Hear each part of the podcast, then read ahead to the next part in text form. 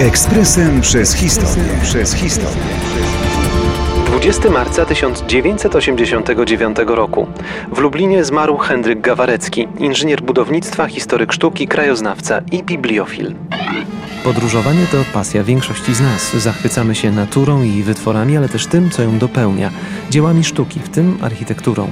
By mogły przetrwać i być podziwiane, niezbędne są działania i wysiłki takich ludzi jak Henryk Gawarecki.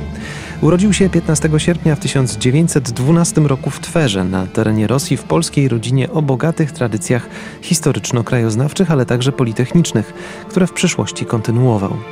Po powrocie do niepodległej już Polski miastem z wyboru był Lublin. Tu Henryk ukończył gimnazjum humanistyczne, a następnie rozpoczął studia na Politechnice Warszawskiej. W międzyczasie przez dwa lata podróżował po Europie, odbywając w tym czasie praktyki budowlane w Jugosławii i Budapeszcie. Wybuch II wojny światowej zastał go w Warszawie. Kawarecki edukował się wówczas samodzielnie i na tajnych kursach.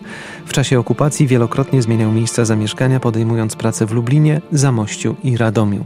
Po upadku powstania warszawskiego wraz z rodziną trafił do obozu w Pruszkowie, z którego uciekł. Po wyzwoleniu w lutym 1945 roku powrócił do Lublina i z nim związał swoje losy. Ukończył wtedy Politechnikę Warszawską, a także historię sztuki na KUL. Rozpoczął pracę w inspekcji budowlanej Zarządu Miejskiego, stając się z czasem inspektorem budownictwa miasta. Przez 14 lat pełnił funkcję wojewódzkiego konserwatora zabytków. Wówczas renowacji zostały poddane zabytkowe dwory, pałace oraz kościoły Lubelszczyzny. Były to pałace w Radzeniu Podlaskim i Lubartowie, synagogi w Szczebrzeszynie i Modliborzycach, kościół w Gołębiu, także domek chiński w Puławach czy rynek w Zamościu. Zatrudniony w Wojewódzkim i Miejskim Biurze Projektowym, a także w Pracowni Konserwacji Zabytków, kształtował architektoniczny obraz Lubelszczyzny. Był krajoznawcą i bibliofilem. W zarządzie PTTK pełnił funkcję wiceprezesa. Kierował pracami nad powojennym przewodnikiem po Lublinie, folderach o Puławach, Kazimierzu nad Wisłą czy na Męczowie. Wykładał na kursach dla przewodników. Jako bibliofil przez całe życie zbierał stare i cenne książki, pocztówki i ekslibrisy. Jego pierwsze zbiory biblioteczne uległy spaleniu w czasie powstania.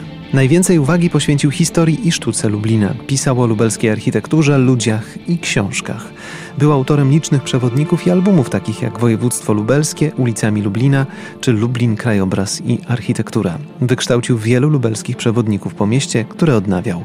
Był członkiem Towarzystwa Bibliofilów w Lublinie. Nie sposób przecenić jego zasług dla miasta, w którym zamieszkał i w którym odszedł.